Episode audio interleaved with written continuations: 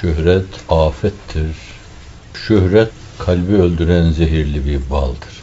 İştiharın en küçüğünden dahi sakınmak lazım. Bu kıldan ince kılıçtan keskin var ya, çok rahat olan bir insan aşmış kendini.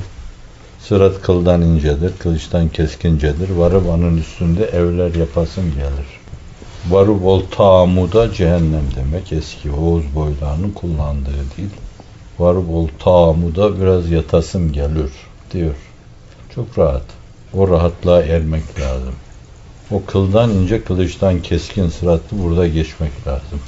Bu Allah'a karşı vefa hissi, samimiyet hissi, sadakat hissi, hep ona bakma hissi, onun marziyatını arama hissi. İşte o kıldan ince, kılıçtan keskin köprü bu. Kendini nefledince onun üstünde evler yapabilirsin. Girip altında da bazen yatabilirsen. Böylemesi kolay. Yazması da. Ben neler yazdım neler. Bir de onların hesabını sorarsın. Yandık. Her yazdığın şeyin her kelimesine kalbinin his ve heyecanını geçirmediysen bilmem nasıl olur. Ama ipi çok aşağıya çektik. Böyle bir kadem daha aşağı çeksek aşağıdakilerin seviyesine inecek. Bundan daha aşağısı da olmaz. Bizim bazılarımızın onunla münasebetlerimiz açısından seviyesi bir kadem daha kaybetsek nereye düşeceğini ürpererek görürüz. Böyle düşünme gerçektir. Diyelim ki böyle düşünme tevazuun, kendimizi sorgulamanın, bazı hatalarımız açısından kendimizle yüzleşmenin ifadesi. Ne kaybederiz böyle düşününce?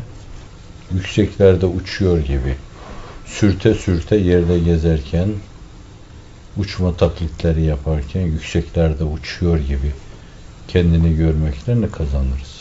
Tevazi hiçbir şey kaybetmez. Onu ruhuna işlemişse, mütekebbir de hiçbir şey kazanmaz. Aksine hep kaybeder. Yerdeki yüze kimse basmaz diye Türk atasözüdür. İnsanın Allah'a en yakın olduğu an secde. iki büklüm olduğu haldir. İşin aslı o ise niye burnunu dikeceksin ki?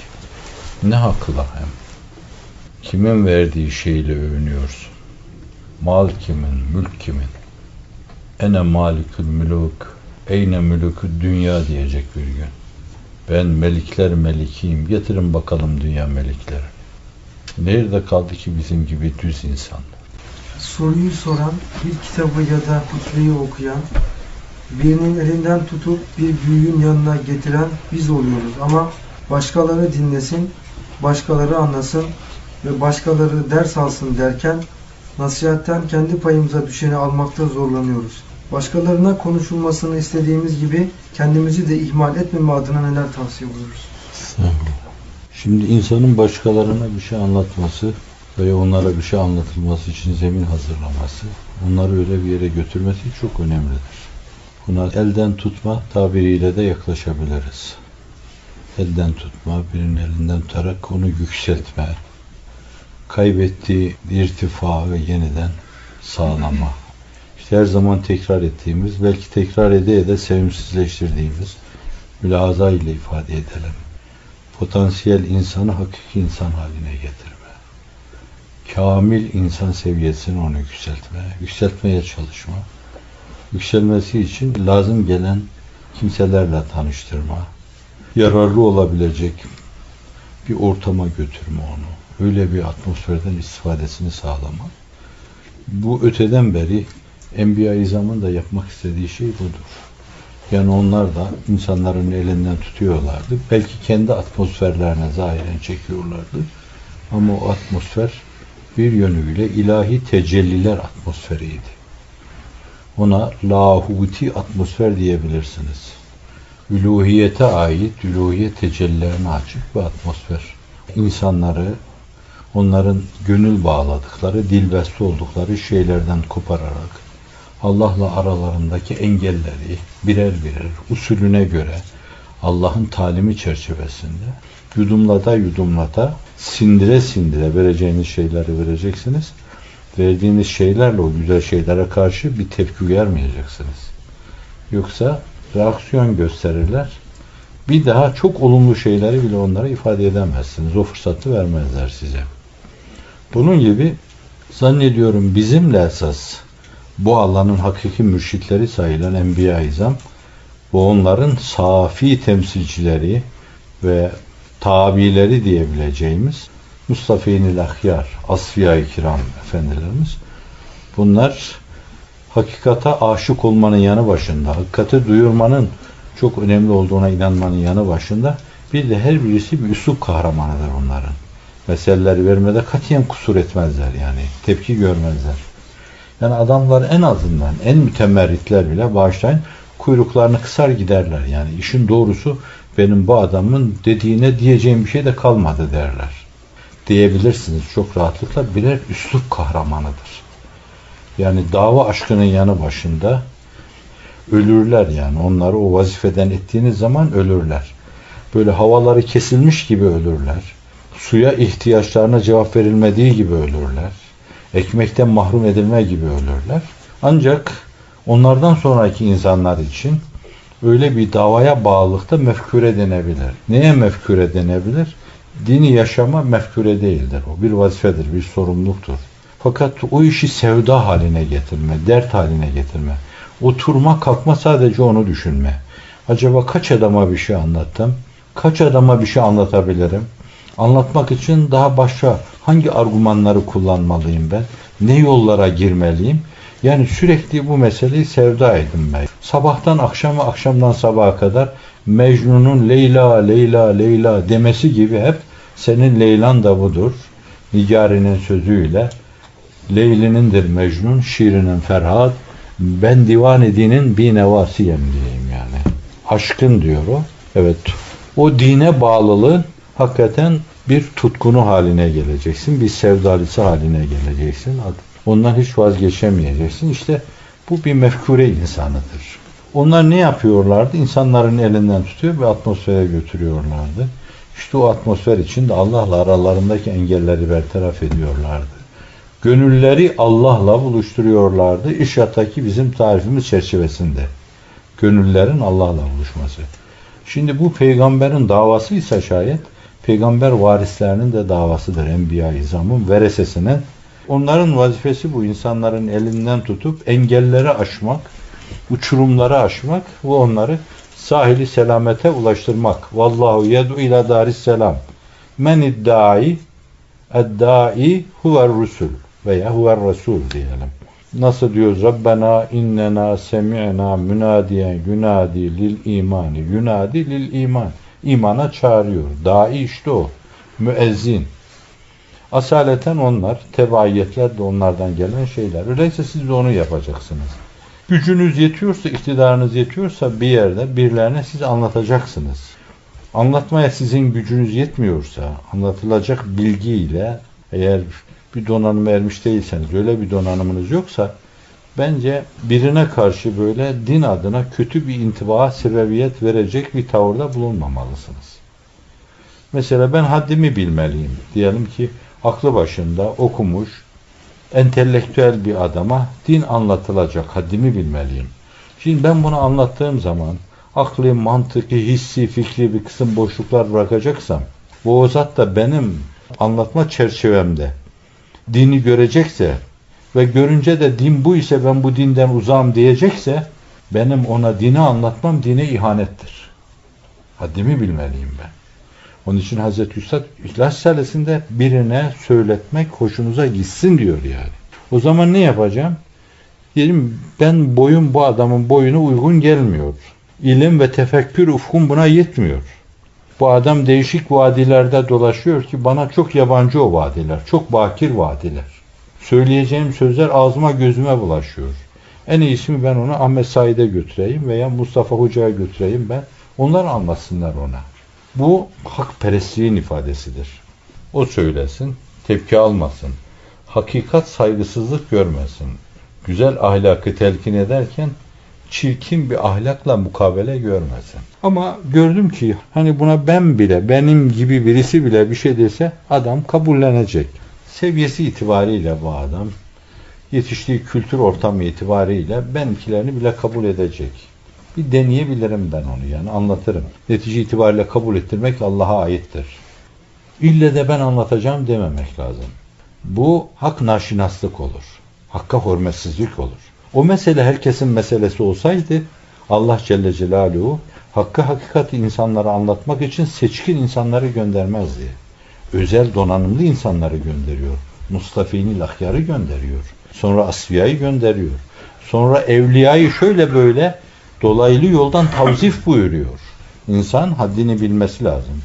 Bu açıdan e, ben anlatabilirim. Eğer diyorsa vicdanıyla baş başa, yüzleşerek vicdanıyla demeli orada. Ama gördü ki yani bir iki sondaj yaptı. Adama çok bir şey kabul ettirecek gibi değil. Ya adam cervezesiyle ya ilim ufkuyla sana tepeden bakıyoruz. O zaman ben onu alıp ona mesul olabilecek birine götürmeliyim. Bu benim için hakka hürmetin ifadesidir. Haddimi bilmenin ifadesidir. Bu insanı da kazanmaya önem vermenin ifadesidir. Böyle bir insan, aklı başında bir insan, ilim yapmış bir insan, bilgili bir insan niye cehenneme gitsin yani? Günah değil mi? Onu da inşallah cennete gidebileceği bir yola çekmiş olalım. Bütün bunlardan ötürü bir başkasına götürüp dinlettirme çok önemlidir. Bu da meselenin bir yanı yani. Bazen biz kitap okuyoruz, ille birinin aklı başına gelsin diye. Orada da bizim mülahazalarımız ve niyetimiz çok önemlidir. Biz kitap okurken Hazreti Üstad'ın dediği gibi ben bu kitapları, bu bahisleri kendime yazdım. Benim gibi düşünen yani doku uyumu olan insanlar, bu ufka açık olan insanlar, benimle aynı düşünceyi paylaşan, bu recada benimle ittifak eden insanlar yazdığım eserlerden tali derecede istifade edebilirler, yararlanabilirler. Belki birkaç yerde bu malda ifadelerde bulunuyor. Demek ki esas bir insan yazdığı şeyi kendi nefsine yazması lazım. Benim esas böyle bir aydınlanma ihtiyacım var. Söylediği şeyi kendine söylemesi lazım. Kitapta bir bahsi okurken de kendine okuması lazım. O kitabın satırları, o kitabın paragrafları neyse, o kitabın cümleleri içine girmeli, doğrudan doğruya nefsine hitap etmeli. Bir insanın başkalarına müessiriyetinde nefsine hitap etme kadar başka bir müessir yol yoktur. İlle böyle başkalarının başına vurayım, akılları başlarına gelsin, bir kabul etsinler mülazasına bağlı yapıyorsanız, zahiren bir şey demeseler bile, hatta iradi bir şey demeseler bile, gayri iradi ruhlarında bir tepki oluşur onların. Birine ders vermeye kalkmamak lazım. Dersi ortaya koymak lazım, dökmek lazım. Derste bir yönüyle kendi nefsini muhatap almak lazım. Nefsini muhatap alıp nefsin adına Allah'a ulaşmayı hedeflemek lazım. Rabbin rızasına ulaşmayı hedeflemek lazım. Allah'ım nefsime bir kere daha senin adını duyurmak istiyorum. Bu yanımdaki insanlar da şayet istifade edeceklerse varsın istifade etsinler. Bir insan ibadetü taatında, okumasında, düşünmesinde, alnını yere koymasında, el açıp içini Allah'a dökmesinde etrafında hiç kimse yokmuş gibi davranmalı. Haşa bu insanları çevredekilerini sürü sayıp tahkir etme demek değildir. Görmeme demektir. Ve başka bir mülahaza ile arz ettiğim gibi niyetin iptidai şekli kastül kalptir. Yapacağınız şeyde kalbin bir hususa teveccühüdür. Allah'ım sen için namaz kılıyorum diye içinizden geçirmedir. Bunu söylemeniz bazen o mülazaya mani olabilir. İmam Rabbani gibi zatlar söylenmemenin evli olduğunu söylüyorlar. Hanefi fıkhında da bir kitapta öyle diyor, bir kitapta da başka türlü diyor. Onu size açmıştım. İki kitabın mülazasını da açmıştım. Benim kanaatim söylememek. İki şeyle birden insan meşhur olamıyor. Şimdi bu niyetin avamcasıdır. Biraz havasça Allah'ı görüyor gibi ibadet yapanlar kalbin masivadan ferahını sağlamak lazım. O anda kalbinde Allah'tan başka hiçbir mülazan olmaması lazım. Sonra bu niyetten daha büyük bir niyet vardır. Bu niyeti namazın bütün rükünlerinde devam ettirmektir. Tamamen kalbi Allah'a tahsis etmektir. Bu seviyeli bir namaz kılma demektir. Kendi içine bakacaksın esas. Masivayı gözünden sileceksin kalbinde bir ferah yaşayacaksın. Okuduğun şeydeki vurgulamaların, sesini ayarlamaların filan hep nefsin üzerindeki tesire bakacak. Sen bir yönüyle mızrabını indireceksin bam teline. Onları da önce akord edeceksin. Fakat bütün bunlarda hedefin nefsine duyurmaktır esas. Nefsinde bir tesir icra ediyorsa, yazdığın bir yazı, söylediğin bir söz, mırıldandığın bir name nefsine tesir ediyorsa, sen akord olmuşsun bir yönüyle. Çıkarman gerekli olan sesi çıkarıyorsun demektir. Yoksa alsın başkaları bunu, başkalarının başına vuruyor gibi akılları başlarına gelsin. Yazdım bir kitap, attım ortaya, alsın uygulasın kurtulsunlar. Valla bu mülazayla kurtulma değil, insanları şeytan haline getirirsin sen o kitabında. Enbiya İzam öyle yapmamış. Bir şeye peygamberler tarafından hangi yolla ulaşılmışsa şayet, ondan sonra o şeye başka bir yolla ulaşılması mümkün değildir. Adım adım o yolu takip edeceksin. Onların izlerine basa basa bu hedefe ulaşmaya çalışacaksın. Bu açıdan ne yapmalıyız bu mevzuda? Zannediyorum büyük temrinata ihtiyaç var. İlk muhatap bizim kendimizdir. Nefsimiz bizim arızalıdır. Nefsimiz bizim hastadır. O alildir. Kırıklık ondadır. Çatlama ondadır.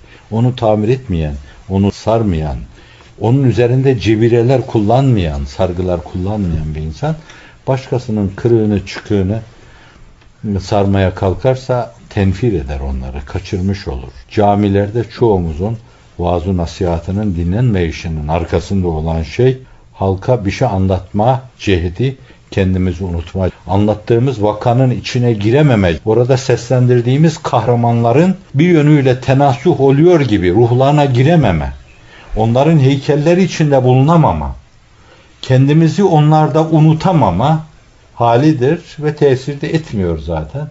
Cemaat olduğu gibi duruyor, biz de olduğumuz yerde kalıyoruz. Bir taraftan kendine çok dikkat edeceksin, kontrol altına alacaksın. Bir diğer taraftan da meziyetlerin itibariyle yerde ayağını basacak kadar kendine yer tanımama. Burada yok öyle bir yerim. Mahşerde bilmem öyle bir yer lütfederler mi? Benim gibisine cennet düşer mi filan. Bu endişeyle yaşama. Bunun senin tavırlarına aksetmesi ve tavırların bunu ifade etmesi.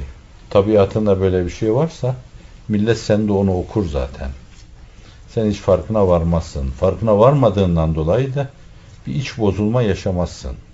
Ve bir beklentiye girmezsin. Kendini nefyetmişsin. Nasıl diyor yani? Bütün alem benim metesse inandıramazlar diyor. Bütün alem metesse. Sen seyid alemsin. Sen müceddidi kiramdansın. Sen bizi ihya eden bir insansın. Allah seni de ihya etsin. Deseler ihtimal yani o bunlara güle güle bakar çok nefsine yenik düşmemişse insanların böyle husi mahiyette karşılaşma ve hakikatleri anlatmadan daha çok umuma bir konferans salonunda herhangi bir insanı hedef almıyorsun orada. Bir zümreyi de hedef almıyorsun. Veya bir cami kürsüsünde veya daha küçük bir platformda bir hakikati anlatıyorsunuz. Hakiki muhatabınız o konuda belli değil. Fakat birisi sıradan oraya düşmüş. Sizin söylediğiniz şeyler de bir reçete gibi onun önüne düşüyor. O kendisinin muhatap alınmadığını çok iyi biliyor. Sizin bir garazınız olmadığından manen onda tepki de uyanmıyor. Onu bir garazla size karşı tepkiye de sevk etmiyorsunuz. Belki 50 defa şahit olmuşumdur. Bu türlü durumlarda insanların daha rahat ruhlarına girilmiş ve onlara hakikatler daha fazla, daha rahat anlatılmıştır. Ama doğrudan doğruya muhatap alındığı zaman hep onlardan gelen tepkilerle karşılaşmışızdır. Şahsı doğrudan doğruya hedef almadan, muhatap sensin, açık, kapalı, sarih olarak, ima yoluyla, işaretle, remizle, ben kastedildim dedirtmeden ona, tevriyelerle o meseleyi ona ifade etmeye çalışmak, alırsa alır, almazsa almaz. Efendimiz sallallahu aleyhi ve sellemin üslubu da buydu. Büyük zatların üslubu da buydu. İnsan daha ziyade nefsini muhatap almalı. Müessiriyetin esas Allah'a ait ve raci olması itibariyle nefsin muhatap alınması karşı tarafa tesir etme açısından çok önemlidir. Kitap okurken, bir şiir okurken, bir naat tertil ederken veya bir Kur'an tilavetinde bulunurken mutlaka insan nefsini muhatap almalı. Nefsine demeli onları. Hatta çevresini hiç görmemeli yani. o nameler ağzından çıkmalı, kendi kulağından kendi içine akmalı. İşte karşı tarafta en önemli tesiri bu üslub içinde eda edilen şeyler yapar. Yoksa başkaları duysun, dinlesinler nasıl okunurmuş bu, tertil nasıl olurmuş, tilavet nasıl olurmuş, hadir nasıl olurmuş, bunları görsünler bir filan. Böyle bir mülahazaya kapıldığın zaman veya konuşmanda az kendi üslubuna bağlandığın zaman bilmem ona da işte yine narsist deniyor mu? Kendini beğenler, kendine aşık olanlar, kendi sesine aşık olanlar vardır. Konuşmasına aşık olanlar vardır. Yazısına aşık olanlar vardır.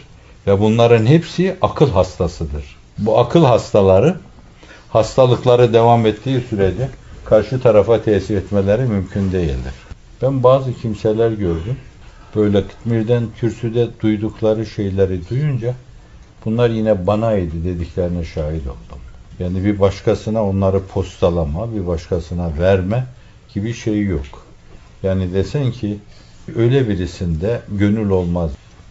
Ve onda bir gönül olsa bile o gönül Allah'la münasebete geçmez. Siz onu hiç kastetmemişsiniz. Fakat az buçuk o kendini öyle o tür insanlardan görüyorsa şayet burada kim bilir ne kadar uğunmuş çocuklar gibi ondan sonra da dövünerek sizin karşınıza gelmiş sen beni kastettin burada filan demiştir. Bu önemlidir. Yani aleyhimizde olabilecek ne duyarsak Allah bu zatı benim için söylettirdi böyle. Tam taş gediğini oturdu falan diyecek kadar. Bu da meselenin bir diğer yanıdır.